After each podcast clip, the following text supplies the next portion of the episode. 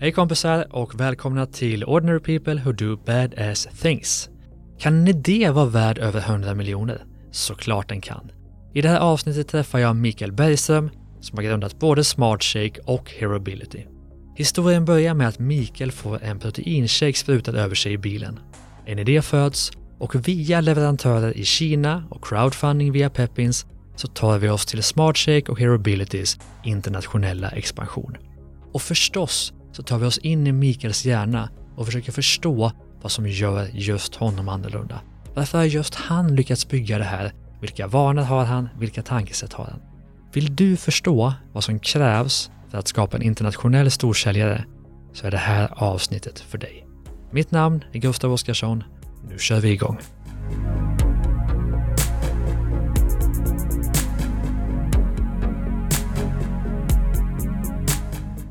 Hej Mikael Bergström och välkommen till Ordinary People Who Do Badass Things. Tack, kul att vara här. Verkligen, hur är läget? Det är bara bra. Ja, vi öppnade just en Smartshake-flaska här och kan inte du bara göra ljudet igen? Så låter det. För alla er som inte känner Micke så är han vd och grundare av både SmartShake och Herobility. Ska vi ta en liten recap och eh, kan inte du berätta hur både SmartShake och Herobility kom till? Bara en enminutsversion eh, av, av historien. Ja, nej men det, det är lite kul story faktiskt. Jag eh, satt i bilen på väg till jobbet och skulle skaka en proteinshake. Och sen mitt på E18, när jag skakade som mest så eh, öppnades locket och jag fick den här proteinsörjan över mig själv. Stannade bilen och var ju tokförbannad på hur klantig jag var och hur dålig den shaken var. Men det var där och då jag kom på idén med Smart Shake. Att tänk att göra en, en shaker som är eh, såklart läckagesäker men även har smarta behållare där man kan ha med sig sitt kosttillskott när man är på språng. Så det var så idén kom till. Hur länge sedan var detta? Det här var tio år sedan. Så Tio år sedan. Ja. Och hade du då tanken på att ni tio år senare skulle omsätta runt 100 miljoner och finnas i väldigt många länder? Nej, det är absolut inte. Det var ju från början så tänkte jag det här är ju kan vara en schysst eh, sidoinkomst. Mm. Eh, sen tog det ett tag innan man verkligen förstod potentialen. Mm. Kan du ta oss igenom då från den här dagen i bilen till, till idag? Vad har hänt sedan dess? Ja, det har gått, det s- varit en fantastisk resa. Det har varit, eh, eh, jag började ju själv i bolaget, körde på i början och sen eh, började anställa, bygga organisation, hitta kunder runt om i världen, rest väldigt mycket, eh, lära sig om produktion i Kina eh, och sen också utveckling nu med vad som har hänt med tio år sedan med digitaliseringen och hur försäljningen flyttas online från när vi, när vi började, då var det ju, då fanns ju knappt iPhone. Mm. Det har varit en fantastisk resa. Mm. Så det har ju, nu ska vi se om jag minns rätt, hur många olika patent har ni kring eh, Smart Shake-flaskorna? Kallar, vi- kallar vi det flaskor eller shakes eller vad kallar vi Eh, det? nej, men vi, vi kallar det flaskor, Ja. för det är ju, det är ju inte bara en shake, det är en vattenflaska som alla kan använda. Mm. Eh, vi har ju över 150 IP-rättigheter runt Mm. om i världen och då är det ju patent, det är designskydd och trademarks. Det är ju häftigt, ska vi stanna där lite? Vi ska komma in på Herobility och sen ska vi naturligtvis komma in framför allt på dig och din person och varför just du har lyckats med det här. Men ska vi börja lite i, i patent och att produktutveckla, skydda varumärken och sådär. Hur många sa du? 100, 150. 150 olika IP-rättigheter. Det, är ju, det tyder ju på att ni har en enorm produktutveckling i bolaget. Är det där ditt intresse ligger? Och, eller framför allt egentligen, hur har ni blivit så duktiga på att utveckla produkterna? Mitt, eh, mitt, mitt intresse är ju både produktutveckling, marknadsföring och sälj. Mm. En, en mix av de tre, kan Mm. man säga. Och det jag drivs mest av, det är ju produktutveckling. Mm. Det tycker jag är superkul. Mm. Och hur gör man det? För jag tänker att många som lyssnar är nyfikna på, okej, jag vill ta fram en produkt men jag har ingen aning hur man gör. Hur- Hur lyckas man med det?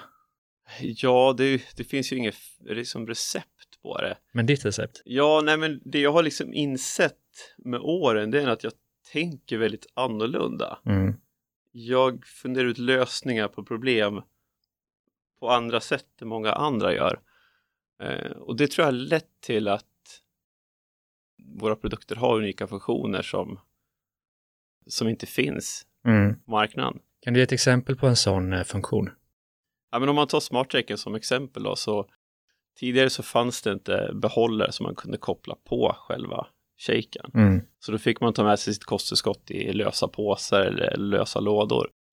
Eh, Men med smartcheck kopplar ihop allting ihop till en enhet så att det blir lite smidigare. Mm. Eh, Och det är ju en superenkel idé, men det var ingen som hade gjort någonting av en eller tagit fram en sån produkt. Men vad spännande, för då blir jag nyfiken. Jag vill ju gärna gotta ner mig liksom i detaljerna och förstå verkligen varför just du har kommit på de här idéerna. Har du, liksom, har du tanketid när du tänker nu ska jag tänka ut en ny idé eller kommer de till dig i duschen eller hur, hur funkar den processen? Jag, jag sätter mig ner och funderar jäkligt mycket och sen kommer jag in i någon sorts magisk flow när jag där man är så otroligt kreativ. Mm. Och när jag är där, det är då jag, jag kommer på de bästa idéerna. Hur tar du dig dit? Det är svårt, det, det, det oftast kommer det om jag sitter sena kvällar och Ja. bara liksom fokuserar 200 procent Mm. och eh, kan få jobba ostört. Du måste koppla bort allting annat. Ja, precis. Man, man dyker in som en, som en, en annan nivå av kreativitet. Det Mm. låter skitflummigt, men Men ställer du en fråga först, nu måste jag lösa, hitta på ett sätt att få proteinet att bättre ha en plats på flaskan. Eller alltså, kommer idén av sig självt eller ställer du en fråga som du ska ha ett svar på? Jag tror idéerna kommer för att jag vill lösa ett problem. Mm. Som jag, jag kände att det var, det, var, det var jobbigt att ha med sig kosttillskott i lösa påsar. Mm. Och man fick portionera upp det där varje morgon. Eh, och jag tänkte att det måste finnas ett bättre sätt att göra det här på än, Mm. att, än att gå- gå runt med alla påsar. Och, Mm. Men då eh, tycker jag att det är intressant, för det låter ju på dig som att många av idéerna kommer just från dig. Hur får man en, hur bygger man en organisation, ett företag där andra kommer med lika mycket idéer som grundaren gör? För annars blir ju bolaget ganska beroende av dig, tänker jag. det vi gör i, ja, i bolaget, det är ju att vi, när vi är på mässor till exempel, pratar Mm. direkt med konsumenterna, så får vi väldigt mycket input från våra kunder. Just det. Eh, Så där har vi ju konstant liksom ett inflöde av idéer på hur vi kan förbättra produkterna och eh, sen såklart också alla anställda har ju mycket idéer på hur vi kan göra saker och ting bättre och Mm. lösa saker och ting snabbare. Så det gäller ju att vara lyhörd också. Mm. Men det finns en tydlig eh, alltså, kultur i bolaget av att komma på nya idéer hela tiden. Ja, vi är, alltså kreativitet är ju A och O. Mm. Så vi försöker ju att liksom froda den och eh, Hur gör se man det? Att, Hur får man andra liksom att bli lika kreativ som du som grundare är? vi försöker ha högt i tak. Mm. Eh, liksom, det finns inga dåliga idéer utan Mm. all, all, all input är positiv. Mm. Har du så kreativa dagar eller kommer det lite då och då eller hur? Har du någon strategi för det? Nej, utan det, det kommer nog rätt spontant bara. Mm. Men låt oss titta lite, för ni har ju eh, produktionen i Kina, eller hur? Ja, Är det enkelt, svårt, jobbigt, härligt? För det är nog många som tänker på att de är sugna på att göra något liknande. Ja produktion i Kina, det är ju bara det jag kan, Mm. men det är inte helt enkelt. Mm. det är ett helt annat tänk när det gäller kvalitet borta och eh, också att de, de, är, de är stolta över kop att kopiera produkter. Mm. Det är, man måste vara på sin vakt på ett, eh, på ett helt annat sätt. Mm. Vilka misstag har ni gjort på vägen? När det gäller just Kina. Eh, men ofta så kanske man, man tror att man är jättetydlig med, en, eh, med information Mm. på en beställning och hur man vill ha produkten. Men de tolkar helt annorlunda. Och när de är klara så har, får man inte alls det man har tänkt. Mm. Eh, så man måste vara jättetydlig och måste följa upp. Mm. Åka dit ofta. Ja, vara där ofta. Mm. Det är superviktigt. Just det. Men jag blir nyfiken på, alltså, för alternativet att lägga produktionen i Sverige såklart, eller i Europa någonstans. Är det värt att lägga det i Kina, tycker du? Det antar jag då. Vi För har att det är så pass försökt- mycket billigare. Ja, alltså vi har försökt att lägga det i främst i Sverige men Mm. och även kollat i Europa. Mm. Eh, Men vi får inte ihop ekonomin på det. Nej, Produkterna kommer bli för dyra. just det. Så eh, i dagsläget har vi inte lyckats. Sen har vi kunder runt i hela världen också. Så Mm. Just mellan Kina till USA där det är ganska, det är ganska nära Mm. då, från Sverige. Eh, Sen har vi även försäljning i Kina och då är det ju Kina som gäller. Mm. Spännande. Så låt oss ta lite det. Ni har försäljning i hela världen. Du nämner Kina, du nämner USA, stora delar av Europa förstås. Jag menar, det här kanske inte var någon tanke du hade när du startade bolaget. Hur gör man för att skaffa sig och, eh, och nå ut på en internationell marknad? Det låter väldigt stort i mina öron. Hur tar man sig dit? Eh, det, det, vi gjorde från början, det var ju att vi åkte på alla mässor mm. runt om i världen för att visa upp produkten och mm. Eh, bygga ett nätverk, skapa kontakter med distributörer och agenter och butiker och, och kedjor. Mm. Försöka hitta affären helt enkelt. Mm. Och för er handlar det om att komma ut i kedjorna, alltså, eller via distributörerna. Ja, precis. Alltså visa upp oss så mycket som möjligt mm. och eh, skapa affärer. Måste ha kostat massor med pengar tänker jag innan det blev lönsamt. Eh, SmartTech, det var, det var lönsamt faktiskt första året. Aha. Och det var för att jag, eh, jag började i väldigt liten skala eh, och eh, drog inte på mig några kostnader utan jag gjorde ju allting själv. Jag var mm. ju gjorde ju från eh, alltså, reklam till skötte ekonomin och inköp och produktion och produktutveckling. Det var ju så allting. Mm. Eh, så det gjorde att man blev ju väldigt kostnadseffektiv. Mm. Och där är det ju oerhört lätt att hamna, att man gör allting själv. Det är en klassisk småföretagarfälla, att fastna där. Ja. Hur gjorde du sen för att gå ifrån den rollen och istället bli en entreprenör som kunde delegera till andra? För den är ganska tuff för många. Ja. Hur, hur var ditt sätt? Nej, men jag, jag, tycker att jag har hyfsat bra självinsikt mm. och förstå vad jag är bra på och vad jag är mindre bra på. Mm. Eh, så min filosofi det är ju hela tiden anställa folk som är bättre än mig själv mm. och hitta då expertkompetens som kan lyfta varje arbetsmoment till en högre nivå än vad jag kan göra. Mm. Och då blir det att man, man hittar någon som är jättebra på ekonomi och någon på marknadsföring och, och sälj. Mm. Eh, och det fina med det, det är att då kan jag fokusera min tid till det jag verkligen brinner för. Mm. Och i det här fallet att utveckla produkterna egentligen. Ja, precis. Men visst, jag vet inte om du pratar om det här, men visst tog du in en eh, extern vd, men sen kom du in som vd tillbaka själv ganska snabbt. Och det är ju en utmaning som många har där ute, att det är svårt att ta in en, en extern vd i ett bolag. Och vad är dina erfarenheter av det? Jag tror att det är svårt eh, det är svårt att hitta någon som har samma driv som mm. en själv. Mm. Eh, och man, jag har nog underskattat ganska många gånger på att jag tänker att ja, men det här, den här personen kommer kunna ta bolaget till nästa nivå. Mm. Och sen eh, kanske inte det har funkat av, av, någon anledning. Och det är nog mycket för att det är, det går inte att klona sig själv, det går inte att hitta någon som har samma driv. Mm. Utan det handlar mer om att utveckla sig själv då. För, för om man tänker så här då, den Micke som startade Smart Shake för tio år sedan och den Micke som är idag och ska ta det till nästa nivå. Vad, vad är den största skillnaden på er två?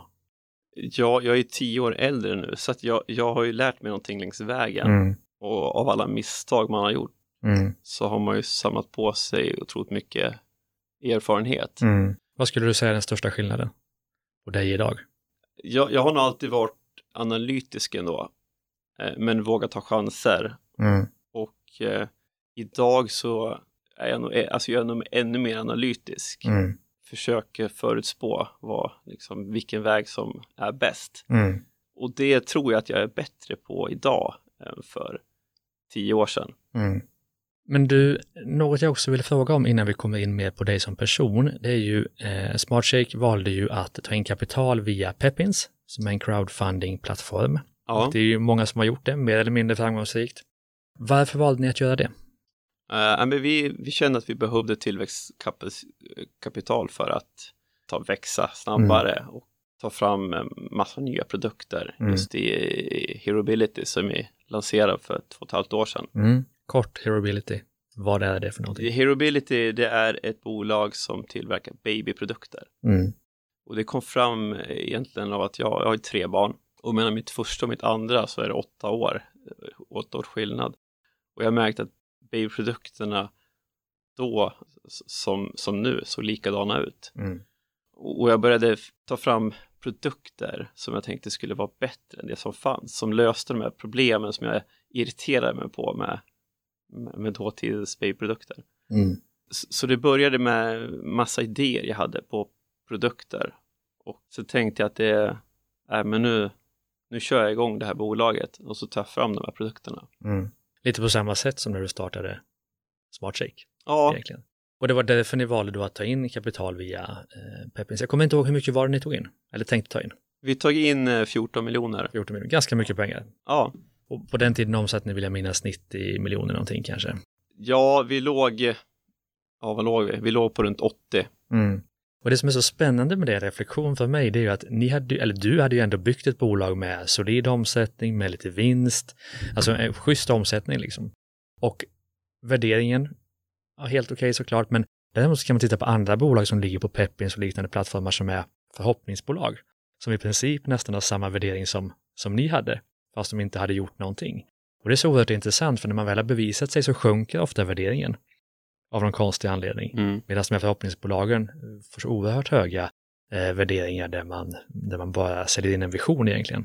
Jag vet inte vart jag vill komma med det här, men det är en oerhört intressant ett, ett faktum på något sätt. Mm. Har du någon reflektion kring det? Nej, jag uppfattar inte frågan riktigt. Nej, det var ingen fråga, det var en reflektion. Men så här, i, i ditt fall, hur, eh, hur sätter man en värdering på ett bolag när man ska ta in kapital? Alltså det är jättesvårt. Det är ju alltid det här, som entreprenör så vill man ju ha en hög värdering och som investerare så vill man ha en låg värdering. Mm, Så det är ju, det är ju jättesvårt. Hur, gjo- hur gjorde ni? Hur kom ni fram till er värdering? Det var ju en mellanväg egentligen vart vi kunde hitta varandra helt Mm. enkelt. Och vet man det innan? Nej, för att alla går ju in med säkert lite olika, olika värderingar. Eh, Så det är ju, jag tror många gånger så är det en diskussion. Mm. Och jag menar, den diskussionen kan man ju ta innan, men när man väl lägger upp sig då på en crowdfunding-plattform, då är det ju ett belopp som är, som är satt. Ja. Vad tror du eh, är och vad för er nycklarna för att få in pengar via, via Pepins? Ja, men att det är ett intressant case och sen har vi produkter som tilltalar också konsumenter. Vi, eh, vi har ju 1300 delägare då via Peppins. Mm. Så det är ju superkul med, med liksom alla ambassadörer vi har. Och de handlar mycket och tipsar andra tänker jag också då. Det är väl Ja. en uppsida. Ja, precis. Alltså de är ju jättelojala kunder till oss och Mm. rekommenderar våra produkter. Det kan nog vara så att ska man gå upp på Pepins kan det vara en stor fördel att ha en, en konsumentprodukt på något sätt som kan skapa fans och eh, som kan ge kunder till bolaget också. Det är Ja, väl minst lika stor uppsida som, som pengarna. ja, jag tror det. Men har du några mer tips till andra som vill ta in kapital just via crowdfunding? Du har säkert lärt dig mycket på den vägen. Ja, alltså det är tips. Nej, det är ju bara alltså kontakta Peppins som eh, och pitcha caset. Eh, och kontakta inte bara Peppins, kontakta andra också. Just det. Men du, eh, nu har vi snackat lite om både SmartShake och Airability. Och eh, av dina svar att döma så, så är du nog lite typiskt den personen jag gärna vill ha som gäst i Ordinary People Who Do Badass Things. För jag upplever dig som en väldigt vanlig person. Ja, Är du en vanlig person? ja jag, jag tror det. Men eh, när uppfattar du dig själv som annorlunda? För du har ändå gjort någonting väldigt annorlunda. När uppfattar du dig själv som annorlunda? Jag tror att det, det tog nog ganska länge. Alltså jag vet, minns när jag var liten så, så, så, så många unga så var det ju, det var ju tufft med självförtroendet och Mm. självkänslan och försöka, försöka förstå att man är bra på någonting. Mm. Så det har ju varit en resa för att liksom tro på sig själv och gå ut av sin komfortzon, utmana sig själv och utvecklas. Mm. Men var du annorlunda som liten? Kan du komma ihåg det eller var du som alla andra? Nej, Men jag var nog som alla andra. Mm. Jag eh, växte upp i liksom ett, en trygg Svensson-miljö och spelade mycket hockey, innebandy, Mm. idrottade. Och det, var, det, var, en- det var en lugn och bra uppväxt, det var det. Och efter sen då, när du, efter gymnasiet till exempel, vad hände, vad gjorde du i ditt liv då? Efter gymnasiet så eh, jobbade jag på ABB Mm. en sväng och eh, visste inte riktigt vad jag ville göra Mm. eller, eller läsa vidare på. Så att jag, jag jobbade ett tag, läste teknisk fysik sen på Mälardalens högskola. Mm. Eh, men kände ändå inte riktigt att ja, men det är inte det här, det här jag vill jobba med. Men Mm. jag gör det här för att göra någonting så får vi se vad som händer. Och sen eh, startade jag mitt första bolag och eh, Ja, du hade bolag innan SmartShake. ja, Vad var det för någonting? det började med att jag, eh, jag chippade tv-spel, hette det. Mhm. Det var på gamla Det känns Playstation. olagligt. Ja, det var lite så här gråzon. det var, man är på play, gamla Playstation och Xbox-tiden så skruvar man upp tv-spelet och luddade in ett kretskort som kringgick alla spärrar som fanns inbyggt i den. Okej, det är lite gråzon. Ja, det är lite gråzon, det var det. Men eh, det var det var bra business för, för liksom en, jag började med det redan när jag var 18-19 år. Okej. Så körde jag det, jag gjorde ett riktigt bolag av det och eh, körde det fram till 2010 när jag sålde det och eh, satsade Ah, helhjärtat var på, på SmartCheck. Som du fick hyggligt betalt för eller var det mer? Nej, nej, jag fick, eh, jag fick betalt typ vad lagret var värt. Mm. Så det var mest betala av skulderna till banken och sen Ja, liksom gå vidare. det. Men inga anställda? I det bolaget, ja, jag hade, det här, jag hade anställda, det hade Ah, jag. okej. ja. Ja. Så det fanns ett bolag innan, innan SmartShake. Det var intressant att veta. För jag är nyfiken på, med SmartShake omsätter 100 miljoner typ, eller Joel, någonstans? Nej, nej, vi är inte där ännu, men vi ska dit. Ja, ja, men uppemot i alla fall liksom. Ja, Och eh, ni är på väg någonstans, ni har en internationell marknad, ni köper in från Kina, ni har 100, så 150-160 IP-rättigheter, ni har tagit in pe- pengar via Pepins. Det är ju en cool grej liksom, och två väldigt starka brand med, med både SmartShake och Carability. Och jag, vill, jag är nyfiken på varför just du har gjort det här. För det finns många som har en trygg uppväxt, och det är många som har jobbat på ABB och läst teknisk fysik och många som startar bolag, men, men väldigt få lyckas ju bygga den typen av varumärken och bolag. ja. Varför just du? Jag, eh, ja men som jag var inne på, jag, jag eh, har nog insett att jag tänker ganska annorlunda. Mm. Jag är väldigt kreativ och eh, väldigt optimistisk, positiv. Mm. Och sen eh, när jag väl liksom tycker att det är superkul, då nördar jag ner mig i det och så kör Mm. jag liksom och jobbar stenhårt med Mm. det. Blir det som en, eh, nästan en besatthet? Ja, det, det kan det nog nästan bli. Mm. Och det går ju ut över eh, nära och kära, att Mm. man, eh, man lägger ner otroligt mycket tid. Mm. Har, du- har det alltid varit så, även som ung? Att du har nördat in dig? Ja, det, det, det, det har jag alltid varit. Vad kommer det av? Alltså, kan du ha en aning om var den egenskapen kommer ifrån? Jag känner igen det från många andra som, som gästar podden. Jag vet inte var det kommer, men man, man vill ju man vill ju utvecklas, man vill göra det bättre, man vill göra det snabbare. Ja, man vill väl inte, du vill det. De Ja. flesta vill inte det. Ja, nej, men det kanske är, alltså, för mig är det ju liksom det, det är det jag känner till. Mm. Mm. Och då när man håller på med någonting så vill man hela tiden göra det bättre. Ja, så där finns det någonting att verkligen grotta ner sig i någonting. Ja, Det, det ser du som den största framgångsfaktorn, superkraften hos dig. ja, och att man tycker att det, det måste ju vara någonting man tycker är kul och brinner för också. Ja, såklart. Men till, du har ju familj, Ja, tre barn, ja, gift kanske. ja. Tillåter din familj att du är den typen av person? Eller är det, blir det gnissel av det? Nej, det, det, de tillåter det och det finns en förståelse för det och eh, annars, annars skulle det inte funka. Mm. Det man måste ju ändå ha en balans i livet Mm. och det får man ju jobba med liksom hela tiden. Mm. Har du något knep för det? För jag kan ju tänka, eller ja, vi vet ju alla som lyssnar på det här att många som är nördiga, besatta av någonting har ju en tendens att försaka familj och vänner, speciellt vänner skulle jag säga. Många av de som är i, med i podden är väldigt måna om sin familj men har försakat vänskaper eh, till hög grad. Vad har du något knep för att lyckas hålla i eh, både familj och vänner eh, när man nördar ner sig i någonting så mycket som du ändå gör? Nej, jag har inget knep det, och det kanske inte finns något, knep heller. Nej. Man har ju bara 24 timmar. Ja, Så jag, jag är ju en av dem du beskriver där. Jag har ju prioriterat familjen mm. och eh, har mycket mindre tid för vänner tyvärr. Mm. Men familjen tar du alltid tid för. Ja, Mm. Intressant.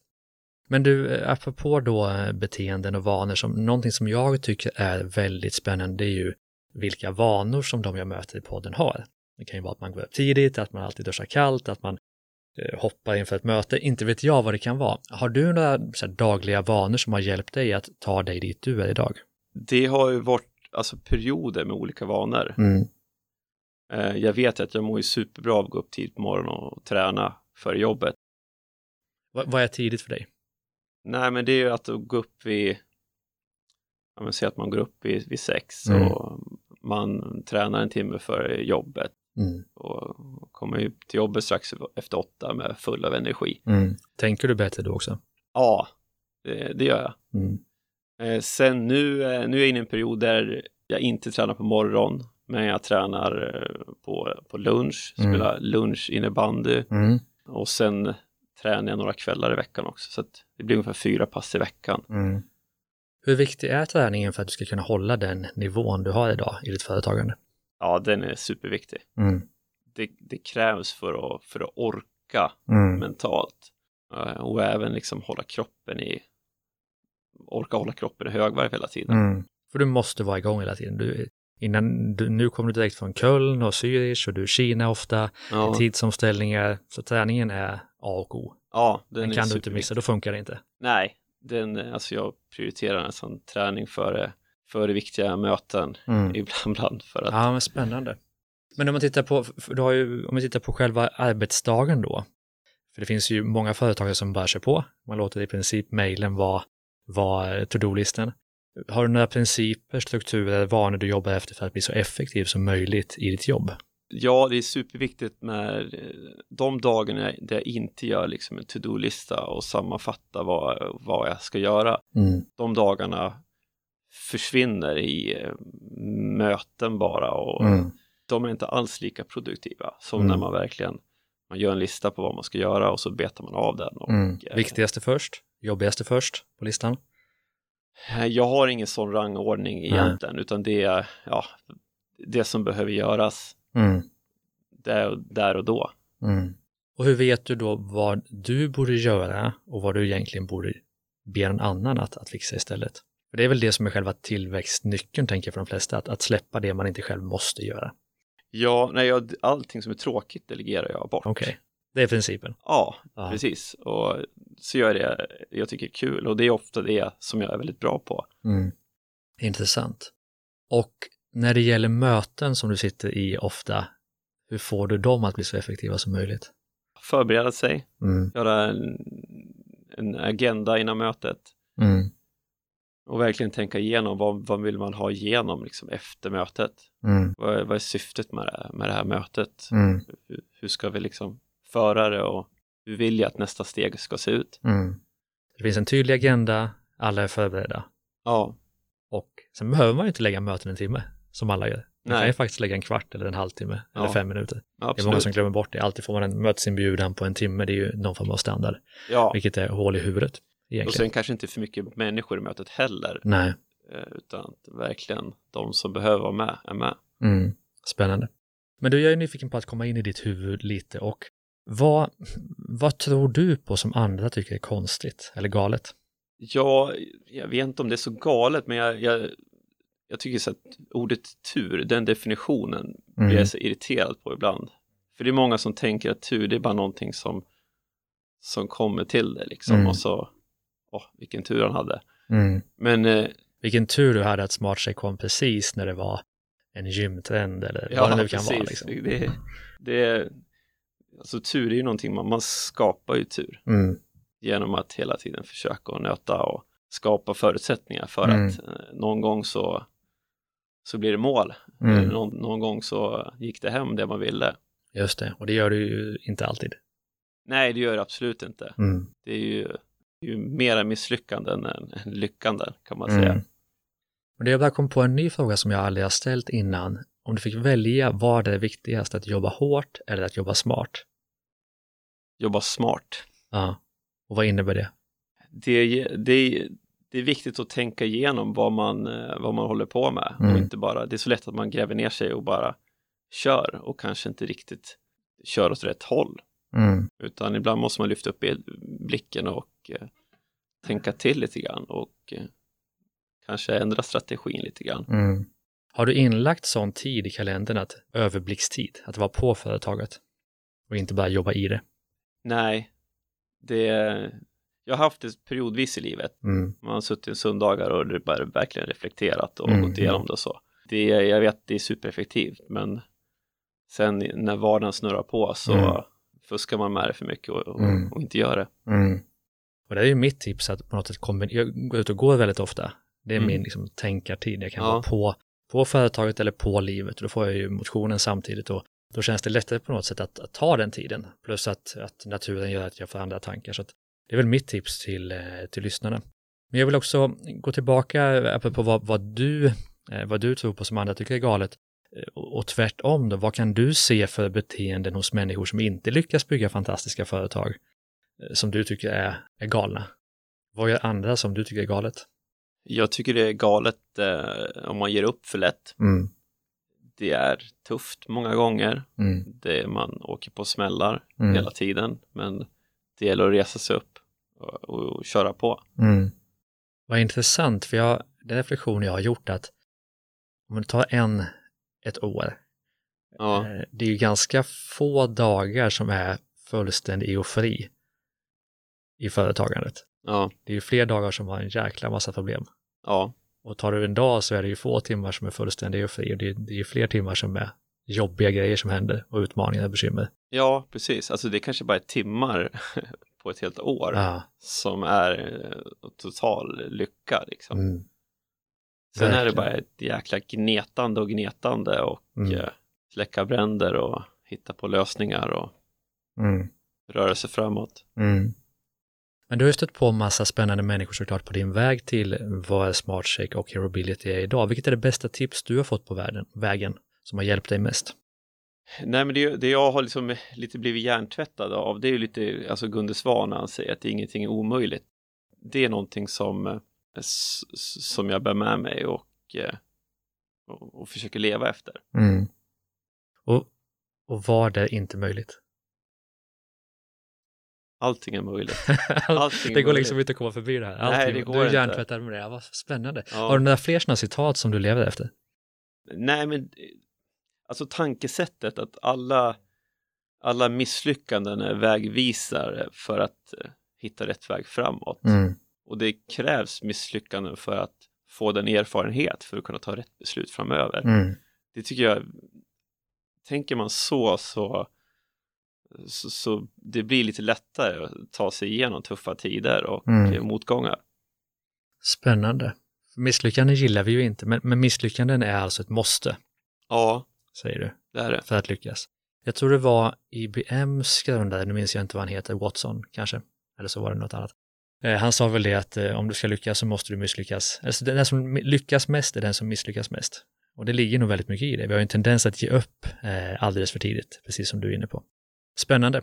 Men du, om du fick ge, för jag menar, du, du har ju tagit dig på något sätt genom den här företagsresan till många spännande tankesätt. Om du fick ge ett budskap till alla människor i hela världen, vad hade det varit? Ja, vilken stor fråga. Ja. Jag skulle vilja ge ett budskap till alla människor på den här jorden att eh, följ dina drömmar Mm. eh, och var kärleksfull. Mm. Visa hänsyn och eh, förståelse. Mm. Det är vackert. Tänker du mycket på livet och livsfrågor av olika saker eller är du mest inne i vardagen? Nej, men det jag tänker på det är lite grann vart vi är på väg. Mm. Alltså mänskligheten är ju flera miljoner år gammal och Mm. utvecklingen har ju tagit väldigt lång tid. Mm. Jag läste någon gång att det var 50 000 år sedan vi lärde oss göra eld. Mm. Och sen eh, har det inte hänt så mycket förrän liksom senaste 100-200 åren och framförallt senaste 10 åren. Mm. Där är lite, jag känner så här en oro vart vi är på väg, vart är mänskligheten på väg? Hur kommer utvecklingen se ut om 10 år, om 100 år? Mm. Vi är ju på något sätt byggda och konstruerade flera miljoner år sedan. Mm. Och, eh, jag tror liksom inte vi hänger med i det tempot utvecklingen går. Mm. Jag, också tänk, jag tänker också mycket åt det hållet och min bild av det är ena dagen positiv, andra dagen mer negativ. Jag kan ju förstå uppsidan i att AI kan bota cancer eller att tekniken kan hjälpa klimathotet eller vad det nu kan vara. Men också en stor eh, oro i mig om att datan, robotarna blir mer relevant än människan och vad, vad händer med oss då? Och det finns också en oro i mig att, att det kommer bli ett antal elitmänniskor som som fattar det här, som kommer att koppla upp sig själva med teknik. Alltså många har redan chip i sig och liknande. Och att en väldigt stor del av, av massan, om man säger så, kommer halka väldigt långt efter. Det är min oro. Tänker du liknande eller har du andra, andra tankar på det? Alltså jag, jag grubblar mycket på, på vad, vad kommer hända. Mm. Men, och jag känner bara en stor oro. Vad Ja. tror du kommer hända? Jag tror att folk kommer, kom, jag tror alltså psykiska ohälsan kommer öka. Mm. Och jag tror inte, eller jag ifrågasätter det, är människan skapt för att liksom vara det vi är om hundra år? Är vi skapta för att ha inbyggda chips Mm. i kroppen? Är det... Är vill det, vi det för det första? Va? Ja, vill vi ha det för det Ja, första? vill vi ha det? Är det, är det var det tanken med mänskligheten från början? Mm. Om det nu fanns en sån. Mm. Gör det här dig, tar energi från dig, de här tankarna? Nej, nej det gör det inte. Nej. Det är, det är inget jag går och, som, som gnager i mig Mm. varje dag. Men det är, liksom, det är en tanke som kommer till mig. Mm. Speciellt liksom när jag är ute och, reser och flyger in över en stor stad och det är Mm. kvällen och man ser hundratusentals ljus av alla byggnader och hus och så tänker man att här bor 10 miljoner människor Mm. och vad gör de egentligen? Vilka jobb har de? Mm. De jobben fanns inte för 200 år sedan Mm. eller 1000 år sedan utan det är massa nya grejer som är skapade Mm. av människan. Och hur kommer det att se ut om 100 år? Mm. Det kommer ju såklart inte vara likadant. Det kommer ju det kommer hända, men vad kommer hända? Mm. Ja, och det gäller ju att hänga med i den utvecklingen. Och, men jag tänkte vi ska testa din kreativitet, om den är så stark som du nu påstår, vilket såklart den är.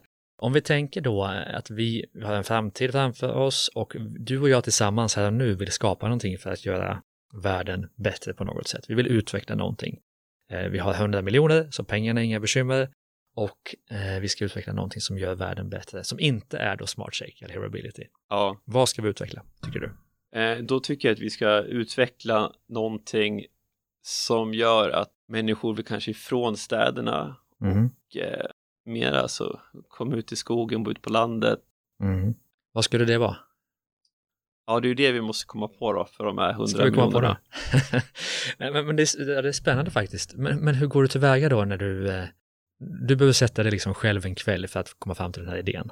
Ja, Det är liksom ditt sätt att, att göra det på. ja, Men vad spännande att få ut mer folk på landet, för det- vi pratar ju mycket om, eh, eh, Kjell Nordström pratar om att det kommer bli 100 eller 500 megastäder liksom i världen där alla kommer bo i princip. Ja, Men jag tycker att, eller så här, alla trender har ju också en mottrend. Och det borde ju vara att, att man flyttar ut på landet. Och varför skulle man inte göra det? Jag bor ju själv utanför Västerås vid vattnet och njuter ju enormt av det. Och att vara i Stockholm en eller två dagar i veckan och få det här pulsen, ja, kompisarna, eh, action. Jag har svårt att förstå när jag väl har tagit det här steget varför man inte skulle vilja flytta ut och bo betydligt mycket billigare och ett enklare liv och sen få pulsen när man vill. Ja, Och jag tror ju att många kommer inse det. Och då måste du och jag hitta ett sätt en affärsidé som gör att vi kan förenkla för folk ja. att göra Precis. det. Jag skulle vilja utveckla någon sorts flygande bilar. Det vore ju superhäftigt. Flygande bilar, hur skulle Ja. de se ut? De, eh, de kommer, alltså, de kommer se ut som, som, som bilar, men de Ja. flyger och de eh, har inga däck. Nej, varför ska de se ut som kanske har bilar för? vingar. Varför ska de se ut som bilar för? För att eh, om man tänker sig en bil, då har du ju sittplatser Mm. och det behöver man ju ha. Och sen behöver du ha lite förvaringsutrymme. Mm. Och då är ju en bil ganska bra utformad, tänker jag, Mm. för att lösa, lösa det. Man kan ju sitta mitt emot varandra istället i och för sig, Det kan man göra. det är socialt. Ja, Och kanske ha ett, ett gym, som man också behöver smart shakes, ja, så man kan gymma på vägen. ja. Samtidigt så tänker jag att de här, det här kommer ju också så himla otroligt fort. Mhm. Så att jag tror inte man behöver kombinera gym och, och, eh, och transportera sig. Är att vara lite för effektiv. Ja, för samtidigt så ska vi ju kanske dämpa stressen och takten lite grann. Mm, jag förstår. Jag hade annars en idé tidigare om att eh, på pendeltåg och tåg och liknande ha olika typer av vagnar. Du kan ha en gymvagn, Ja, så du kan gymma på vägen till Stockholm eller Göteborg eller vart du ska. ja, Du kan ha en biovagn, du kan ha en eh, singelvagn om du är singel. Du kan Ja. ha en businessvagn där du kan nätverka med andra businesspersoner och så har du massa olika teman på vagnarna. Kan det vara någonting? det kan absolut vara någonting. Ja. Den affärsidén får jag skicka med till någon som lyssnar på podden som vill ta en idé och göra någonting stort av det. Men du, om vi tittar på människorna omkring dig och människor du möter, vad, vad tycker du att framgångsrika människor har gemensamt?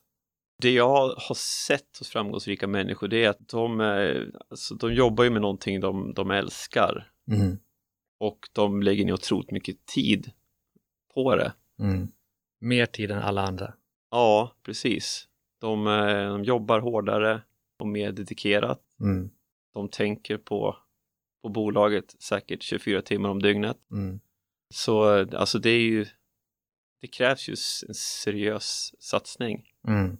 Och otroligt mycket tid. Ja, för det är ofta det jag vill åt, för det är ganska stor skillnad mellan de som bygger ett bolag som man kan leva på och de som bygger ett bolag som verkligen tar fart, som går internationellt, som måste 100 miljoner, en miljard. Ja, Och det är den skillnaden jag vill åt. Tror du att det är, är det besattheten, dedikationen som, som gör det? Eller finns det något annat också? Eh, jag tror att den komponenten är superviktigt. Mm. Sen är det ju också väldigt kreativa människor. Mm. De kommer på idéer och lösningar som ingen annan har tänkt på. Mm. Just det. Och, det. och det blir man ju av någon anledning gissar jag. Jag tror inte man föds som kreativ, jag tror man, man blir det någonstans på vägen, Ja, är min bild av det. ja, nej men det kanske är så. Mm. Men du vet inte när du blev den personen?